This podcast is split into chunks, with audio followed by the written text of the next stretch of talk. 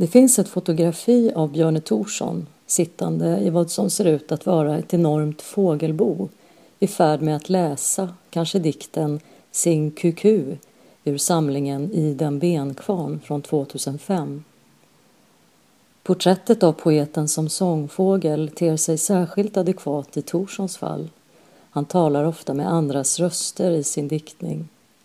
Som i samlingen I skuggan av en hare från 2001 en lyrisk och lekfull parafras på Åke Holmbergs detektiv Ture Sventon eller Blandade röster är de bästa rösterna från 2015 i vilken en hel kakafoni, en ursinnig kör bestående av Sara Stridsberg, Janis Joplin och Edith Södergran, för att nämna några, sammanfogades i en sorts antipatriarkaliskt jacuzzi.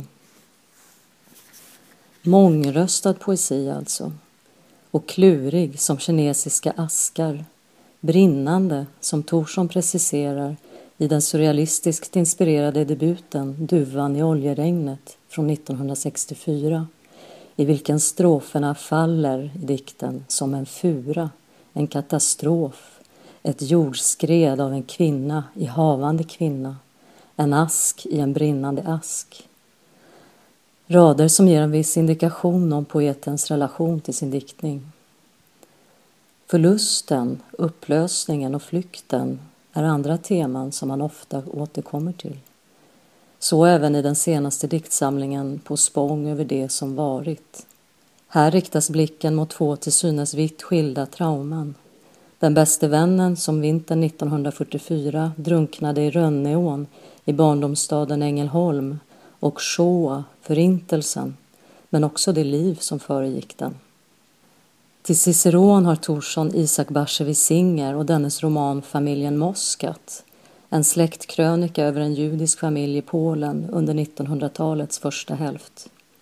Men innan vi äntrar denna värld får vi en sorts nyckel till varifrån vi förväntas stiga in, en sorts avsiktsförklaring i form av en introduktion som inleds med den första raden ur Peter Weiss Motståndets estetik. Runt omkring oss hävde sig kropparna ur stenen, sammanträngda till grupper. En mening som Torsson skriver vidare på. I plågor, men smärtan gav inte vika eftersom den är själva substansen. Kroppen borde ge vika, kanske till och med själen borde ge vika. Men allting kraschar eller krymper Försvinnandet upprepas ihärdigt. Skriv försvinnandets poetik, konturernas genes. Försvinnandets poetik, konturernas genes. Att skriva fram det försvinnande och fortblivandet i samma andetag kan tyckas självmotsägande men det är en del av predikamentet för den som ger sig i kast med Shoah inför vilket skrivandet hänvisas till antingen motstånd eller besvärjelse, men oavsett vilket ett balanserande över avgrunden, som titeln på den nya boken antyder. Så tillägnas den också en viss Chuy Minares, mexikansk lindansare, som kom till poetens barndomsstad med sin cirkus. I stallarna, bakom kulisserna, stod de vackra djuren som fråntagit sin frihet i naturen de tämjdes, utfodrades, ryktades noga men lukten av det okända är det man aldrig kan glömma. Torsson går inte närmare in på detta okända, åtminstone inte i denna samling. Däremot talar han om en ångest för avlägsna händelser som ändå dröjt sig kvar i hans minne. Kanske till och med för sådant som går tillbaka till tiden före födelsen på samma sätt som man kan känna igen sig på platser man aldrig besökt. Är de genetiskt härbärgerade bilder kan de ha skrivits in för tusentals år sedan. Eller saker som berättats för en i moderlivet eller i Shoah. I varje fall ser jag gång på gång i dagdrömmarna hur lillen, full av förhoppningar, stävar mot undergången. Ropa inte åt mig nu när jag går över spången. En spång alltså, eller ett språng över tiden. En tid som rymmer både barndomscirkus och showa och vars kopplingar ter sig långt ifrån självklara, något som poeten emellertid också tycks vara medveten om, ropa inte åt mig nu när jag går över Spången. Varpå frågan lämnas därhän och därmed också läsaren, åtminstone undertecknad. Dock inte utan att ha väckt en rad intressanta funderingar kring den eventuella länken mellan barndomsminnen och det kollektivt omedvetna, traumats predikament och vittnandets premisser. Liksom en nyfikenhet kring var Torsson själv befinner sig i allt detta. Vilket får mig att tänka på ett citat ur en essä av Karin Brygger nyligen. Schreib und Farschreib om berättande, minne och motstånd i vilken hon citerar Catherine Robson. To bear witness to others' deaths one must first affirm one's own survival.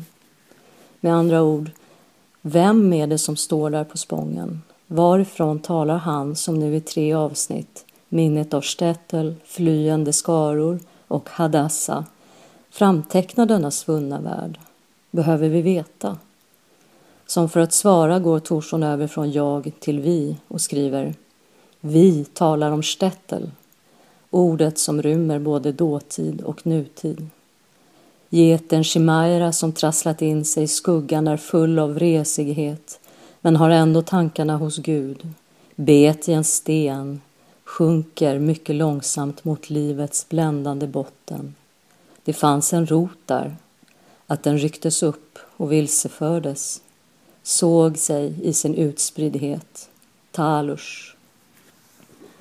Talush är det hebreiska ordet för någon som har ryckts upp med roten, mist kontakten med sin familj eller förlorat den helt. Var är alla nu? Var är de, alla de andra? Där är du ju. Men vi saknar Abel och David, Daniel och Miriam och Lev och Mjetek. Så vecklar dikten ut sig, förgrenar sig likt köpman Reb Meshulams familj i Singers släktkrönika ända fram till slutet. Det svartnande gruset på perrongen, de nakna som tvingas samman och nu brinner jag upp, sa Stettel. Nu brinner jag ner, sa Stettel. Vilket får jaget eller viet att konstatera fascismen är redan kvar. Vad kan möjligtvis sägas efter detta?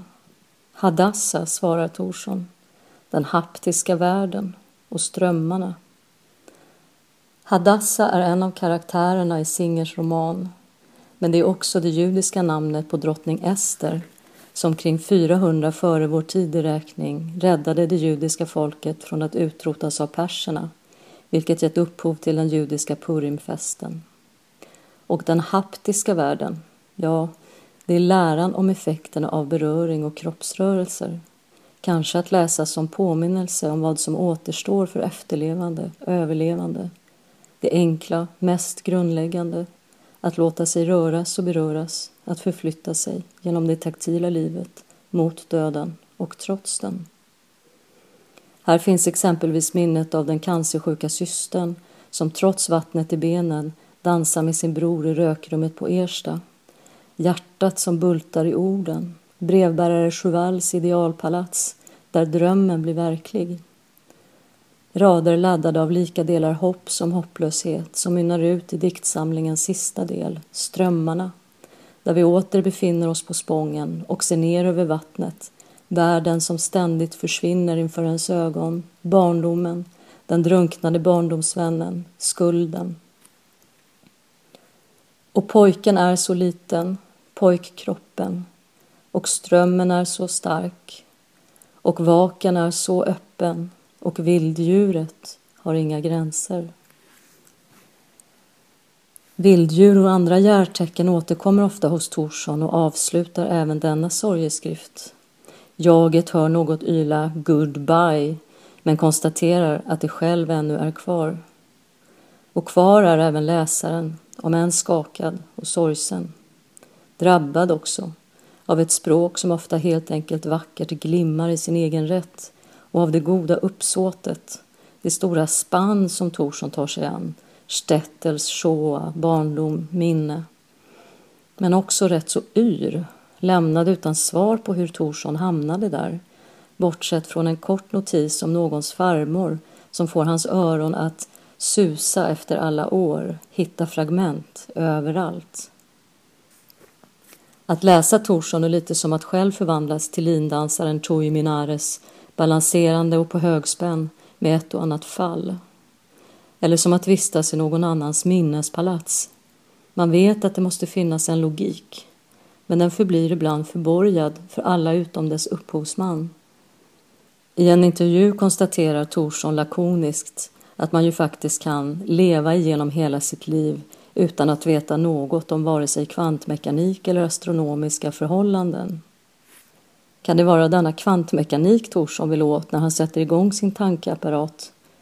Borde vi läsa hans dikt som en egen dimension i vilken vi på något slags kosmologiskt vis kunde få en skymt av dessa företeelsers verkan i oss om vi bara har tålamod och rätt sorts vakenhet för att skåda in i det svarta hål som där öppnas.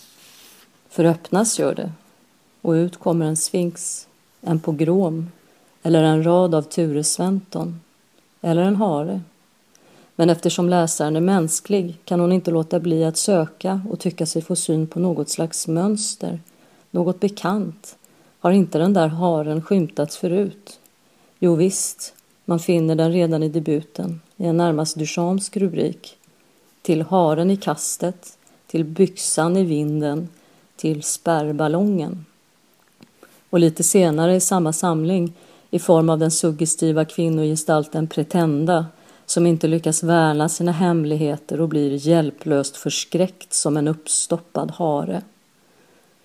I dikten I skuggan av en hare ur diktsamlingen med samma namn från 2001 sparkar haren hål på horisonten med sin hårda tass, spänner ut sitt skinn, färdas bland moln och tuvor och förmörkar solen. Vi kallar allt sedan dess en särskild plats här ute för I skuggan av en hare. För att slutligen växa ut i ansiktet före hungersnöden i ett citat av Herta Müller i På spång över det som varit. Vad är dessa harar för Torsson? Fortfarande i På spång svarar han av gudarna befintliggjorda ursprungsdjur som stora och ljuvliga står med sina öron raka vid kanten av den kända världen. Mer än så får vi inte veta. Vi kan bara notera hur den där hoppande fyrfotingen dyker upp lite här och där, lite som känslan av sammanhang i Torssons diktning. Man hajar till, tycker sig få syn på något, men just som man ska till att inrätta intrycket i något sammanhang är det borta. Eller är detta hoppande att läsa som en inbjudan till ett friare meningsskapande, liksom bortom poetens inblandning?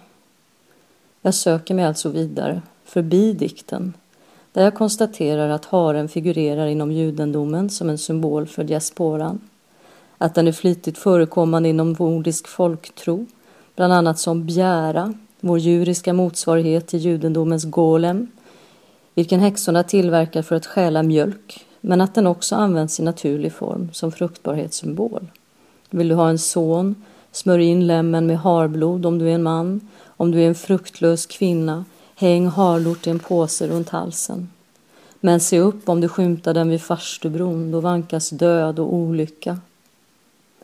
Och det finns trollharar som alltid återkommer, hur många gånger man än skjuter dem, alltid i ny skepnad, men fast vid sitt namn, som i Frödings Harens rätt, där den har rätt att springa med harben höga och snare men kallar sig annat än hare har haren ingen rätt till. Den återkommande trollharen, se där kanske en metafor för Torssons poesi. Alltid densamma, alltid en annan, på kanten till den kända världen.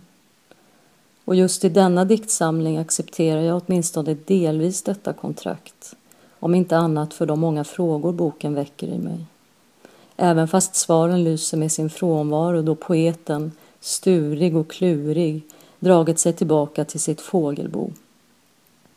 Men så har han ju redan sagt oss att han inte tänker inrätta sig. Hellre skrumpnar han.